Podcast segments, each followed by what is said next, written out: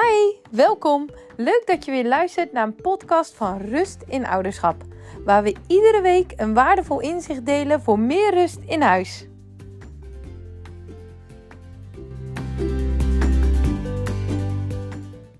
Ik wil het vandaag met je hebben over waarom het maar niet lukt om de tegendraadsheid van je kinderen te verminderen en ze gewoonweg naar je te laten luisteren. Ondanks wat jij als ouder allemaal inzet. Aan straffen, belonen, dreigen, waarschuwen, of misschien wel complimenteren, het voordoen, met ze in gesprek gaan. Wil het er toch niet voor zorgen dat je kinderen minder weerwoorden geven, stoppen met brutaal zijn en drammen en gewoon naar je luisteren? Als ouder ben jij waarschijnlijk juist hard aan de slag om het tegendraadse gedrag van je kind te verminderen of de weerwoorden en juist je kind naar je te laten luisteren. En als ouder probeer je allerlei verschillende manieren voor. Dus door boos te worden of te dreigen of het straffen door bijvoorbeeld wanneer ze de spelcomputer niet uitzetten te noemen als je hem niet uitzet of juist brutaal wordt, dan heb je het morgen niet.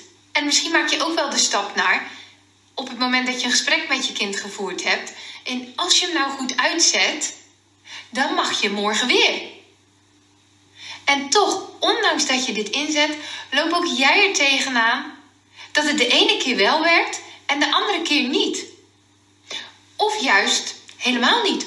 Ondanks wat je ook inzet, dat het maar niet lukt om die spelcomputer uit te zetten. Of op een rustige manier naar school te gaan. Of je kinderen hun bord leeg te laten eten. Of mee te kunnen nemen naar de winkel. En je hoort daar al dat ik heel veel voorbeelden noem van situaties of van gedrag wat je bij jouw kind ziet en wat je graag anders wilt.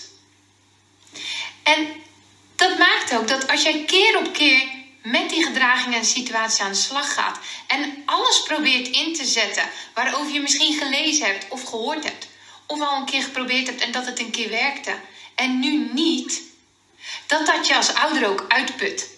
En jij iedere keer het gevoel hebt dat je zo hard aan het vechten bent tegen de bierkaai om je kinderen op te voeden zoals jij dat als ouder graag wenst en dat onvoldoende lukt.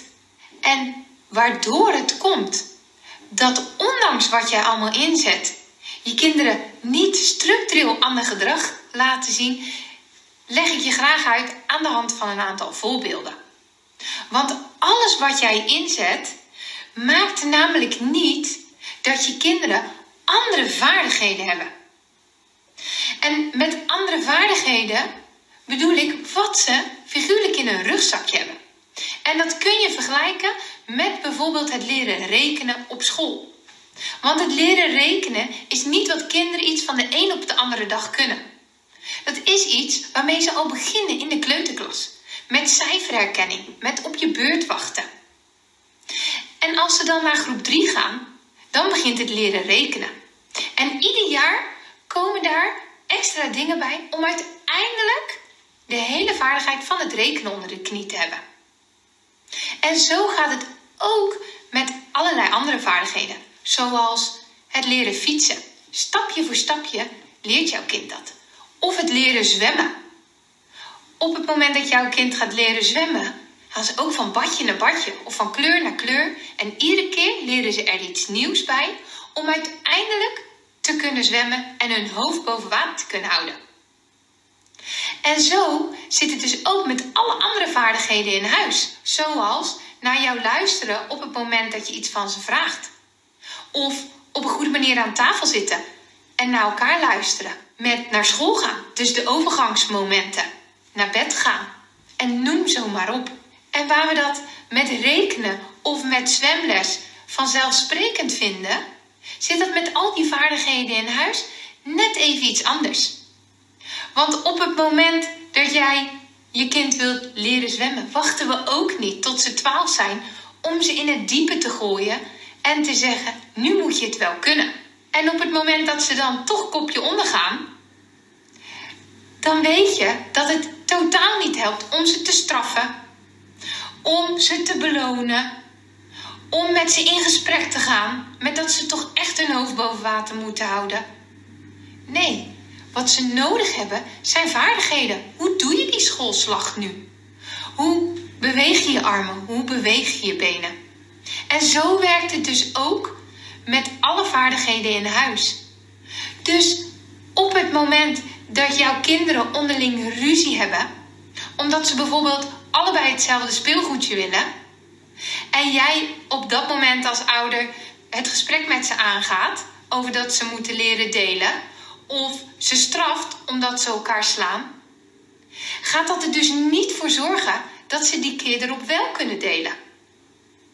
Want wellicht zijn jouw kinderen op een leeftijd waar ze nog moeten leren delen, net als dat zwemmen. En zo ook met de overgangsmomenten naar school. En dit geldt dus voor alle momenten en situaties in jouw huis en met jouw kinderen. Ook het stilzitten aan tafel. Ook het overgangsmoment van naar school gaan. Ook de tas inpakken. Ook het naar bed gaan. En ook op de momenten dat jouw kind heftig tegen je ingaat en extreem boos wordt. Ook dat zijn momenten waarop jouw kind iets te leren heeft. En wat er op dat moment gebeurt, is dat we denken dat ons kind niet naar ons wil luisteren. Of ons niet respecteert als ouder. Alleen het tegendeel is waar. Ze hebben jou als ouder heel hard nodig om hun figuurlijk hoofd boven water te houden. Ze weten alleen niet hoe. Net als jij als ouder niet altijd weet hoe je dit voor elkaar krijgt. De reden dat je kinderen nog steeds tegen draad zijn en niet naar je luisteren, komt dus doordat je bezig bent met het zichtbare gedrag. Dus met die spelcomputer uitzetten, met terug dat bed ingaan, met niet slaan en schoppen.